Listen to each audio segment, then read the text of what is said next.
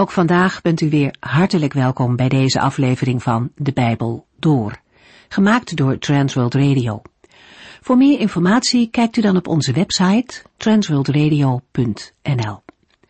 In deze serie gaat u in vijf jaar tijd met ons de Bijbel door, van Genesis 1 tot en met het laatste vers in Openbaring 22. Vandaag beginnen we aan een nieuw Bijbelboek. De afgelopen weken zijn we langs alle psalmen gegaan. Soms wat uitgebreider, maar vaak ook in wat grotere stappen vanwege de tijd. Mocht u misschien afleveringen gemist hebben, dan kunt u die telefonisch bestellen op een USB-stick tegen een kleine vergoeding. En daarop staan de studies over de psalmen. Ook andere bijbelboeken die we al aan de orde gehad hebben, kunt u nog nabestellen. Ons telefoonnummer is 0342 478432 of kijkt u even op transworldradio.nl. We gaan straks verder in het Nieuwe Testament met de brief die Paulus aan de gemeente in Efeze heeft geschreven. Corveda geeft eerst een inleiding met wat algemene informatie. En deze achtergronden helpen ook om de teksten beter te begrijpen. Deze Efezebrief gaat in op de gezegende positie die christenen hebben gekregen door het geloof. De verbondenheid tussen Christus en zijn gemeente op aarde komt hier sterk in naar voren.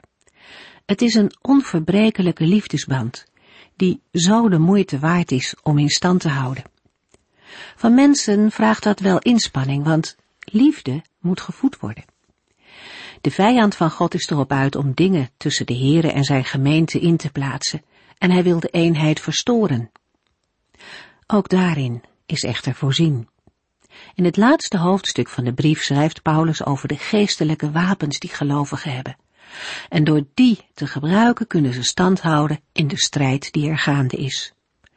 Zelfs als het misgaat, is er altijd een mogelijkheid om terug te keren. In Openbaring 2 lezen we dat zelfs deze gemeente, die zo geweldig goed begon, haar eerste liefde voor Christus verlaten had. Maar meteen volgt ook een dringende oproep om terug te keren naar die eerste liefde, want dat is Gods doel. Het is niet de bedoeling dat wij mensen op grote afstand van God leven. En in Christus mogen we dichtbij komen. En dan leven we in zijn volle zegen. De brieven aan de Efeziërs, de Filippenzen, de Colossenzen en de brief aan Filemon worden de gevangenisbrieven genoemd. Paulus heeft deze vanuit gevangenschap geschreven. De apostel heeft in drie plaatsen gevangen gezeten, namelijk in Efeze, Caesarea en Rome. Als datering van Paulus' verblijf in de genoemde drie steden wordt aangehouden dat de apostel in de jaren 52 tot en met 55 na Christus in Efeze was. De jaren 57 tot en met 59 in Caesarea en de jaren 60 tot en met 62 in Rome. Volledigheidshalve moeten we hierbij opmerken dat er bijbelonderzoekers zijn die voor de vier gevangenisbrieven verschillende plaatsen van ontstaan aanhouden. Aan het einde van zijn tweede zendingsreis bezocht Paulus Efeze, waar hij Priscilla en Aquila achterliet. Deze strategisch gelegen stad was het handelscentrum van Azië, maar door de sterke slipafzetting moest er een speciaal kanaal worden opengehouden, opdat de schepen de haven konden bereiken.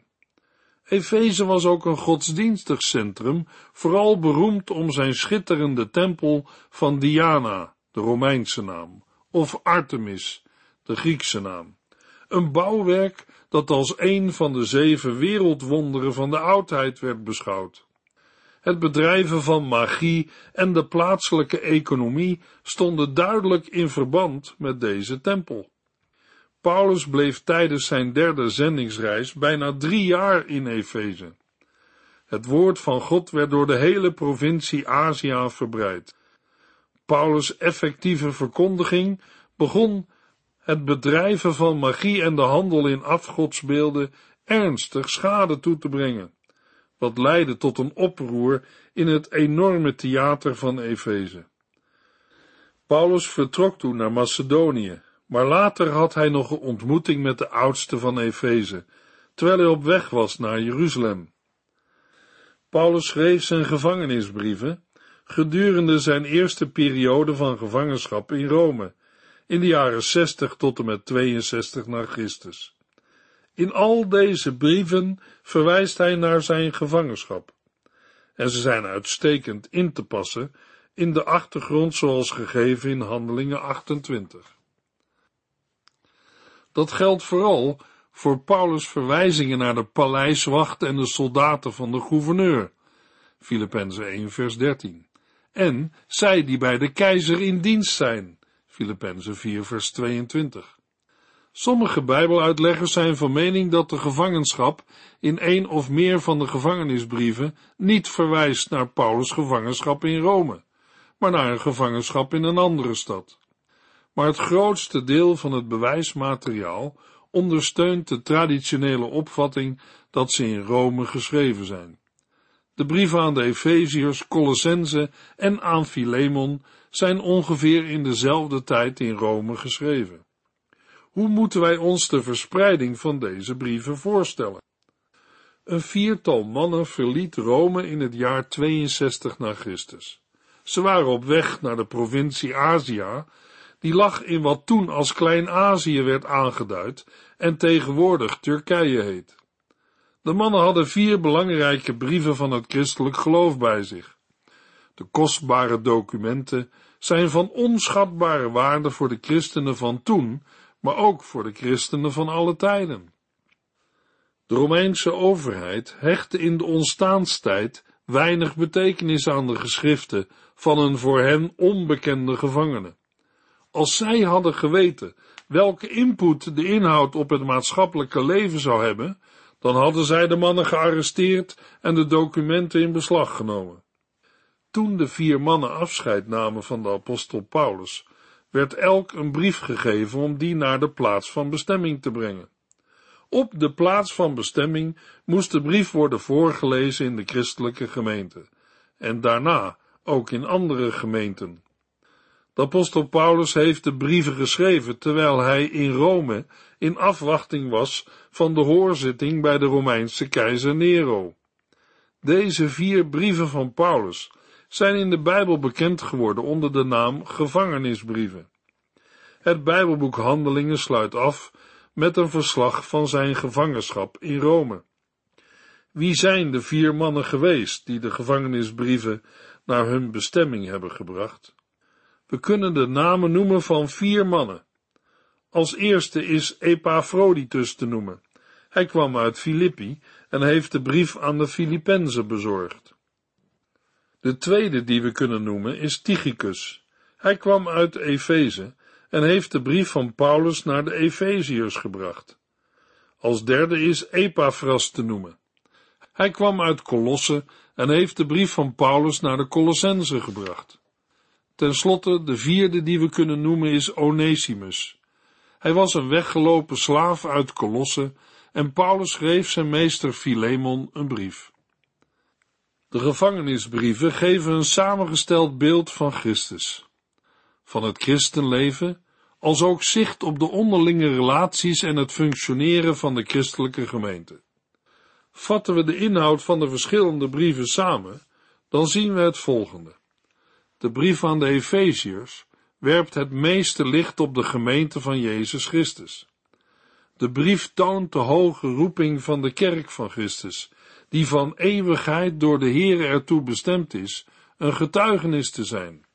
Efeziërs 3 vers 10 God wil door de gemeente aan de heersers en machten in de hemelsferen laten zien hoe rijk en volmaakt zijn wijsheid is.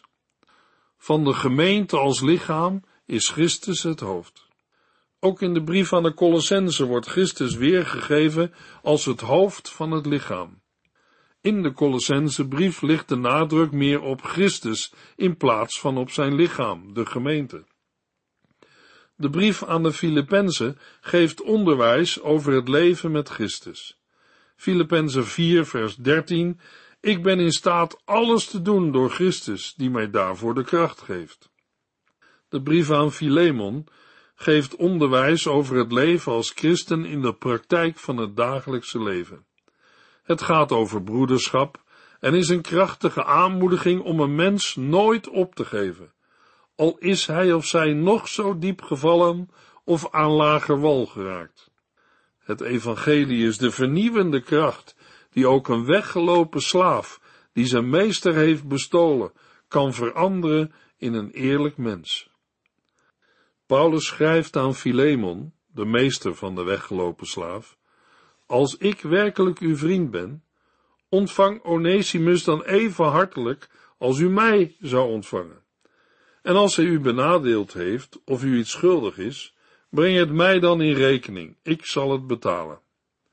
De brief aan de Efeziërs is gericht tot een groep gelovigen die bovenmate rijk zijn in Jezus Christus, maar toch als bedelaars leven. Alleen maar omdat ze hun rijkdom in Christus niet kennen. Omdat ze die rijkdom nog moeten accepteren, verlagen ze zichzelf tot een leven in geestelijke armoede. Paulus begint met in Efeziërs 1 vers 3 de inhoud van alle geestelijke zegen die er in de hemel is te beschrijven. De gelovigen zijn uitgekozen, aangenomen, aanvaard, verlost en vergeven. God heeft hen alle wijsheid en inzicht gegeven. Zij zijn zijn eigendom en erfgenamen en hebben het zegel van de Heilige Geest ontvangen. Door zijn genade het leven en een plaats in de hemelse gewesten. Kortom, alle mogelijke geestelijke zegeningen. Als ze daarop teren, beschikken christenen over alle middelen die nodig zijn om als Gods kinderen te leven, opdat wij Hem zouden prijzen voor Zijn onovertroffen genade. In Efeziërs 4 tot en met 6 worden christenen onderwezen in een geestelijke levenswandel. Efeziërs 2 vers 10 God heeft ons één gemaakt met Jezus Christus, met de bedoeling dat wij het goede zouden doen, want dat heeft hij altijd al gewild. De traditionele titel van de brief is aan de Efeziërs, maar een aantal oude manuscripten laat het weg. Dat heeft een aantal bijbelgeleerden ertoe gebracht de traditionele opvatting dat de boodschap specifiek tot de Efeziërs was gericht, in twijfel te trekken. Daarmee wordt gesuggereerd dat de brief een rondschrijven was van Paulus aan de christengemeenten van Azië. De brief aan de Efeziërs is daarmee een christelijke verhandeling, bestemd voor algemeen gebruik. Er worden geen meningsverschillen besproken en geen speciale problemen van één bepaalde gemeente. De gedachte van een algemene brief wordt, volgens de genoemde opvatting, ook ondersteund door de formele toon. Maar ook als de brief is begonnen als een rondschrijven, dan is de brief uiteindelijk toch gaan horen bij Efeze, de belangrijkste christelijke gemeente van Azië. Een andere mogelijkheid is dat deze brief direct tot de Efeziërs was gericht, maar op een dusdanige manier geschreven dat alle gemeenten van Azië er iets aan hadden. Al het interne en externe bewijsmateriaal vormt een krachtige ondersteuning voor Paulus als schrijver van de brief aan de Efeziërs. Maar de laatste jaren zijn critici op interne gronden deze oeroude traditie gaan aanvechten. Er is gesteld dat het woordgebruik en de stijl verschillen van de andere brieven van Paulus. Maar dan wordt Paulus vermogen om zich aan uiteenlopende omstandigheden aan te passen over het hoofd gezien. Vergelijk de brief aan de Romeinen met de tweede brief aan de Corinthiërs. De theologie van de brief aan de Efeziërs zou volgens de critici een latere ontwikkeling weerspiegelen. Dat zou op zich best kunnen, maar dat kan ook worden toegeschreven aan Paulus' eigen ontwikkeling en overdenking van de gemeente als het lichaam van Christus. Aangezien de naam van de schrijver in het openingsvers duidelijk wordt genoemd, is het niet nodig om te veronderstellen dat de brief aan de Efeziërs is geschreven door een van Paulus' leerlingen of bewonderaars, zoals Timotheus, Lucas, Tychicus of Onesimus. Wij houden vast aan wat de Bijbel zegt. De brief is van Paulus, die door God is aangewezen als apostel van Jezus Christus, aan alle gelovigen in de stad Efeze, die Christus Jezus trouw volgen. Efeze was een havenstad en een centrum van cultuur en godsdienst. Het klimaat was aangenaam. Het was een prachtige stad om te bezoeken. De Romeinse keizers kwamen naar dit gebied om er hun vakantie door te brengen. Efeze was de hoofdstad van Klein-Azië en voor de andere gewesten de best bereikbare haven. In belangrijkheid was Efeze de tweede stad na Rome. De stad was rond 2000 voor Christus gesticht door de Hethieten. In Efeze stond de tempel van Diana of Artemis. Het was de grootste Griekse tempel die ooit is gebouwd, zo'n 100 bij 80 meter, vier keer groter dan het Parthenon. De tempel was gebouwd over een moeras, op een kunstige fundering van huiden en houtskool, zodat het gebouw meer bestand was tegen aardbevingen. De kunst en rijkdom van de Efeziërs maakte het gebouw tot een van de wereldwonderen uit de oudheid. De tempel had 127 prachtige zuilen. Hij bevatte allerlei kunstwerken, zoals de door Apelles geschilderde afbeelding van Alexander de Grote, die de bliksem slingert. Binnenin de tempel stond het beeld van Diana. Dat was niet de mooie Diana uit de Griekse mythologie. Het was feitelijk een Anatolische versie van de godin van de vruchtbaarheid. Allerlei vormen van prostitutie en grove onzedelijkheid vonden in en rond de tempel plaats. Er was een bloeiende handel in zilveren modellen van de tempel. Door de oude schrijvers wordt er vaak naar verwezen. Weinig bezoekers van de stad schijnen Efeze te hebben verlaten zonder zo'n zilveren model van de tempel. Deze artistieke handel was een bron van inkomsten voor de zilversmeden en de stad. Toen kwam de apostel Paulus naar Efeze. Hij ging altijd eerst naar de synagoge, dat deed hij ook in Efeze. In Handelingen 19 vers 8 tot en met 10 lezen we Paulus ging gedurende drie maanden regelmatig naar de synagoge en sprak daar vrijmoedig over het koninkrijk van God. Hij voerde veel gesprekken, waarbij hij probeerde de mensen te overtuigen. Maar toen sommigen van hen koppig weigerden hem te geloven en het nieuwe geloof openlijk bespottelijk maakten, keerde Paulus zich van hen af en nam de christen uit de synagoge mee. Van toen af sprak hij elke dag in de school van Tyrannus. Dit deed hij meer dan twee jaar, zodat alle inwoners van de provincie Azië, zowel Joden als Grieken, over Jezus hoorden. God deed door de handen van Paulus buitengewoon grote dingen. Efeze is waarschijnlijk een van de hoogtepunten geweest in het zendingswerk van de apostel Paulus. Hij zag Efeze als een grote kans en bleef er langer dan in andere plaatsen. De apostel schrijft aan de Corinthiërs, ik blijf echter nog tot Pinkster in Efeze, want hier liggen geweldige kansen om voor de Here te werken, al is de tegenstand ook niet gering. Omdat de vrucht op de prediking van Paulus de inkomsten van de zilversmeden bedreigde, kwam er tegenstand met als gevolg oproer in de stad. Paulus predikte het evangelie en de Heere bewaarde hem op een wonderlijke manier. Het bemoedigde hem om door te gaan.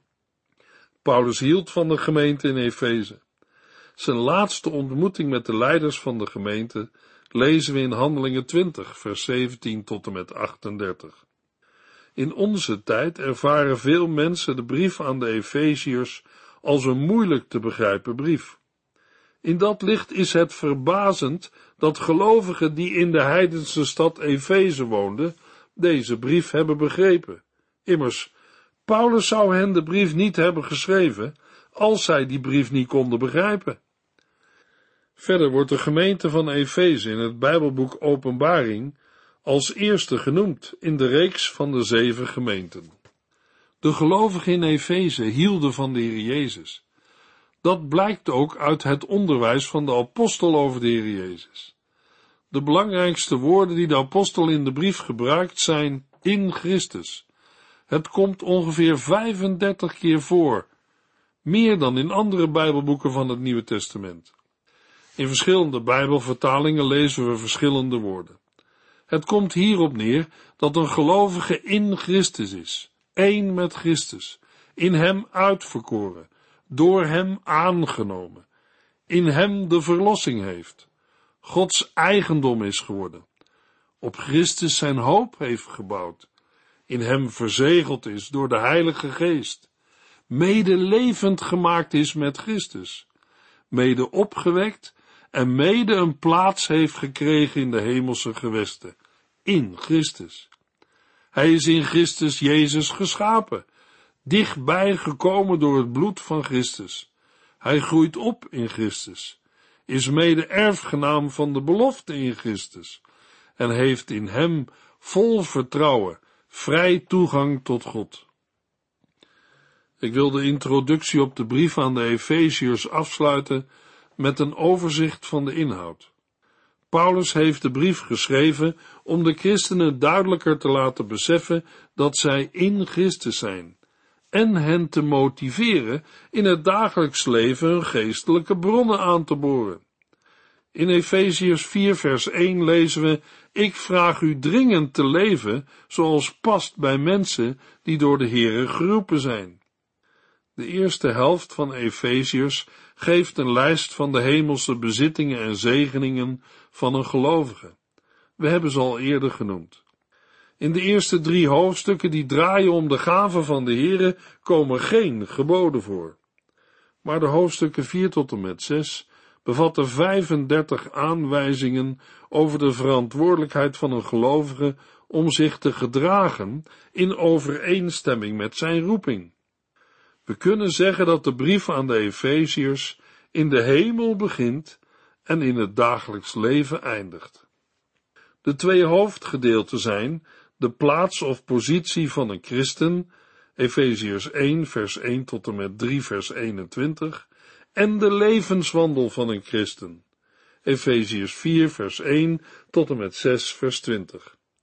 In het eerste hoofddeel dankt Paulus na de proloog van twee versen, de drie enige God voor de rijkdom van zijn verlossing. Deze lofzang op Gods genade prijst de Vader omdat Hij ons heeft uitverkoren, de Zoon omdat Hij ons heeft verlost, en de Geest omdat Hij ons heeft bezegeld. Het reddende werk van elk van de drie goddelijke personen is tot lof van de heerlijkheid zijner genade. Voordat hij verder gaat, geeft Paulus het eerste van twee heel belangrijke gebeden. Hierin vraagt hij of de lezers geestelijke verlichting mogen ontvangen, zodat ze zullen zien wat de waarheid is. Daarna beschrijft Paulus de kracht van Gods genade door hun situatie van vroeger te stellen tegenover hun huidige geestelijke leven in Christus. Een verlossing die niet door menselijke werken tot stand is gebracht, maar door goddelijke genade. Deze verlossing omvat de Joden, maar strekt zich ook uit tot heidenen die vroeger buiten de gemeenschap van Gods volk stonden. In Christus zijn de twee voor het eerst leden van één lichaam geworden. De waarheid dat heidenen mede-erfgenamen en medeleden zouden worden, was vroeger een verborgenheid, maar is nu bekend geworden. Het tweede gebed van Paulus drukt zijn verlangen uit dat de lezers gesterkt zullen worden met de kracht van de Heilige Geest en de liefde van Christus volledig zullen kunnen bevatten. Het tweede hoofddeel van de brief aan de Efeziërs begint met het vers waar Efeziërs om draait, Efeziërs 4 vers 1. In dit vers wordt een scheidslijn getrokken tussen het leerstellige en het praktische gedeelte van dit Bijbelboek omdat alle gelovigen samen het ene lichaam van Christus vormen, komen groei en volwassenheid voort uit de kracht die elk lid op zijn wijze oefent, zodat het hele lichaam gezond groeit en vol liefde is. Dit houdt in dat een gelovige in liefde zijn geestelijke gaven in de praktijk moet brengen. Paulus vermaant de lezers om de oude menselijke natuur als oude kleren uit te trekken en een heel nieuwe mens te worden, die herkenbaar zal zijn aan zijn levenswandel. Zij moeten een heilige levenswandel aan de dag leggen als kinderen van het licht. Iedere relatie moet worden veranderd door het nieuwe leven in Christus. De kleurrijke beschrijving van de geestelijke strijd en wapenrusting wordt gevolgd door een mededeling over Tychicus. En dan volgt tot slot de zegenbeden. Efeziërs 6 vers 24 allen die een blijvende liefde voor onze Heer Jezus Christus hebben, wens ik de genade van God toe. Een sleutelwoord in de brief aan de Efeziërs is opbouwen. Daarbij gaat het om het opbouwen van het lichaam van Christus. Het brandpunt van de brief aan de Efeziërs is de verantwoordelijkheid van de gelovigen om te wandelen in overeenstemming met de hemelse roeping in Christus Jezus. Als sleutelversen kunnen we Efeziërs 2 vers 8 tot en met 10 en Efeziërs 4 vers 1 tot en met 3 aangeven. In Efeziërs 2 lezen we, door uw geloof in hem bent u gered, en dat komt door zijn genade. Dat is niet uw verdienste, maar een geschenk van God. In Efeziërs 4 lezen we, ik zit gevangen omdat ik de Heere dien en vraag u dringend te leven zoals past bij mensen die door de Heere geroepen zijn. Het sleutelhoofdstuk is Efeziërs 6. Ook al is de christen gezegend met allerlei geestelijke zegen, tot de dagelijkse ervaring van christenen behoort nog steeds de geestelijke strijd. Hoe kan een gelovige stand houden in verleidingen en tegen de vurige pijlen van de boze, als hij of zij geen schild, helm of zwaard heeft. Daarom is ook vandaag een wapenrusting nodig. In de volgende uitzending lezen we Efeziërs 1, vers 1 en 2. U heeft geluisterd naar De Bijbel Door, in het Nederlands vertaald en bewerkt door Transworld Radio. Een programma waarin we in vijf jaar tijd de hele Bijbel doorgaan. Als u wilt reageren op deze uitzending of u heeft vragen, dan kunt u contact met ons opnemen. Tijdens kantooruren kunt u bellen op 0342 478432.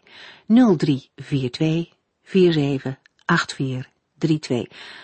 Ook kunt u een e-mail sturen naar de en natuurlijk kunt u ook via de post ons bereiken. TWR, postbus 371, postcode 3770, AJ in Barneveld. Dit programma werd gepresenteerd door Cor Weda en Ike André. Techniek was in handen van Odin van Voorkom. En wij allemaal bedanken u voor het luisteren. Graag tot de volgende keer.